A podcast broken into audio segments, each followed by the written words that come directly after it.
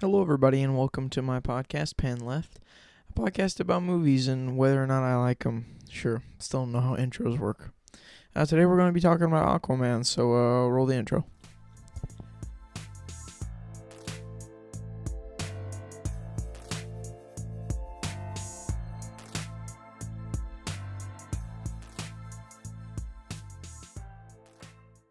I saw Aquaman a little while back, and I planned to make a podcast about it, but I didn't really get to it, and so I want to do that really quick right now. Um, I I liked it. Um, I enjoyed it, but as a piece of cinema, it's really not that good.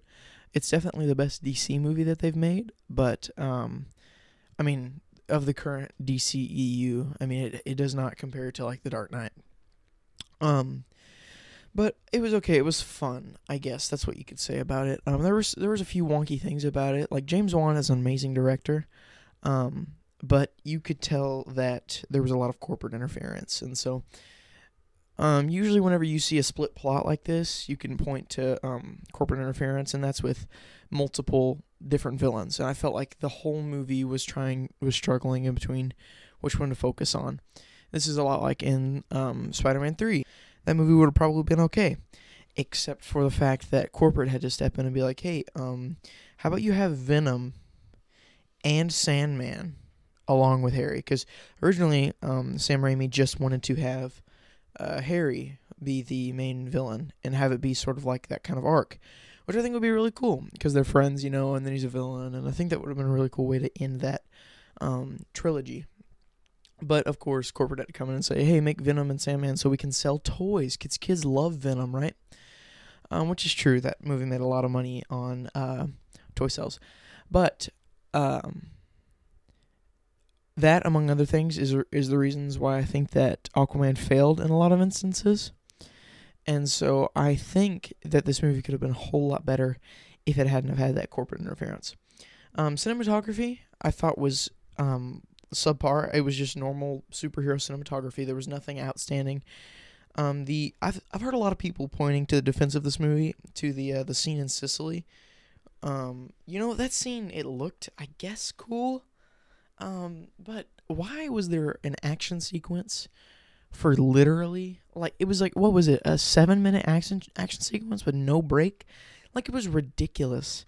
Um, I was so bored. Like I it was ridiculous. Keep it short, sweet, to the point. Every single action needs to have some sort of bearing on the plot.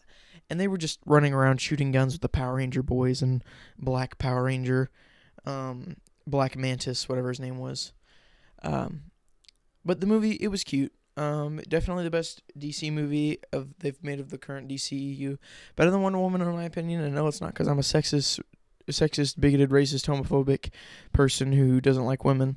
Um, Wonder Woman, I thought, uh, did uh, followed um, Captain America to a T. Seems like every joke we had heard before. Um, this one, it took inspiration from movies like Thor and Black Panther and Lord of the Rings with the whole um, Trident to unite the nations, blah blah blah. Um, I feel like it took inspiration from all of those movies and put its own little twist on it, which I thought was cute. And I think that that was um, definitely uh, what's his nuts, the director's um, input. And so overall, I don't know how to rate this movie because I don't really do good at ratings, but I'd give it like a 60 to 70%. It was it was decent, you know, it's better than trash movies. Um, but it's it's not it's not very good. Um, but it, it was enjoying. I, I enjoyed it. I went and saw it with my dad. We both enjoyed it. Um, and I thought it was okay. I didn't I didn't really like the romance. Um, I thought it was rushed and they went from hating each other, which you know that's that's the whole romantic trope, and um, it's classic because it works, but they didn't make it work. And uh, James Wan isn't very good with romance stories, in my opinion. Um, but I think he's an amazing director. He could have done a lot better without the corporate interference, and I could tell that he cared about this project. Um, but I think the biggest problem with this movie was the uh, the way that they had the villains and how it was split and how there were two plot lines that were split. I didn't like that. I thought that that movie suffered, and I thought that's why the movie had such horrible pacing because I wanted to fall asleep in some in some scenes. Um, the movie had horrible pacing because they were trying to split two plot lines, and you were just bored. Uh, stick with one. Um, I personally prefer the Black Manta plot line, but he was just a throwaway villain, and we found out that he's going to be in the next movie, which is so dumb. Um, and then so what's his nuts? The Ocean Master, uh, which every time they said that in the movie, I laughed out loud. Um, I thought that he was a weaker villain just because we weren't really we didn't have a reason to be afraid of him. Yeah, we were told we should be afraid of him, but we didn't know why. Um, we see very few acts of aggression that could truly scare us on screen. Um, he was he was a weak villain. He was very weak. He was very weak for the opening movie. Should have used Black Manta. Should have fleshed his character out a little bit more, but it's fine. I liked Jason Momoa. Jason Momoa is kind of like the ultimate Chad dude, where his charisma is that he's, he's just a bumbling, you know, big shot guy. You know, I can do whatever I want. I'm Jason Momoa. Um, and that's why people like him. People think he's funny. I personally, you know, think he's, uh, you know, he's just as funny as anybody can be with a corporate written script. Um, and yeah, I, acting in this movie was okay. Um, the script really wonky. And if I could name this movie, this is a red letter media quote. If they could name this movie anything, it would be underwater exposition. Because literally every word of dialogue is giving you some exposition. None of it is meaningful, none of it makes you feel anything. And you know, I really like this movie, but I came away thinking I like to go away from movies thinking, asking myself, did I feel anything? Did the movie make me feel anything? Did it make me rethink something? And that's the answer to that is no. There's not. I this is movie is very forgettable, and it's a lot like most of the superhero movies that are around. If a movie, if I can walk away from a movie and make it, and I can genuinely say that it made me feel something, that it made me think something, that I was able to relate to the to the main character, then that movie is going to get a good rating, no matter how well cinematographically, um, if it had really bad script, if it had really bad plot, it's going to make me feel good if I can relate to the character.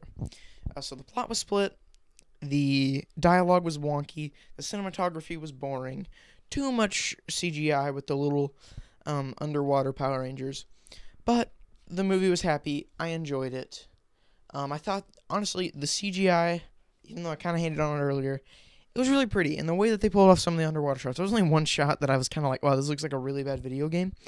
And it was a shot whenever um, Willem Dafoe's character uh, like swims away and he looks like he's T posing, like he's waiting to spawn in in a video game. Uh, it was really funny. I thought it was kind of comical, but I thought it was great.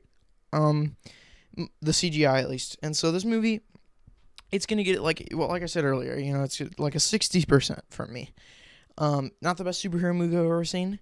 That title is uh, up in the air between Logan and The Dark Knight, and not just because I like dark superhero movies, it's because those movies made me feel something. Um, they enacted some sort of emotion in me. They made me relate to the character in a way that most superhero movies don't. And so Aquaman was subpar but it was the best DC movie, and I enjoyed it. I enjoyed going to the theaters. It was a fun experience, but from a cinema standpoint, there was more to be desired. All right, thanks for listening to my podcast, and I'll see you later.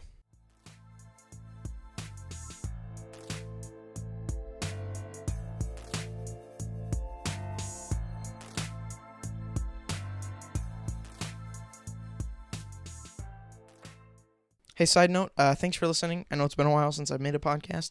Um, I want to start making them more often. I just, I always felt so daunted. I was like, oh, uh, the podcast. Oh and um, now I'm just like, oh, who cares? Who gives a crap, you know? So I hope that you enjoyed it. And if you did, uh, share it with your friends. All right. Uh, see you later. Hey guys, uh, really quick, thanks for listening to that ad. Um, I don't really know how it works, and I don't really think I'll probably get paid um, but it's a start into a sponsorship direction. All right, bye.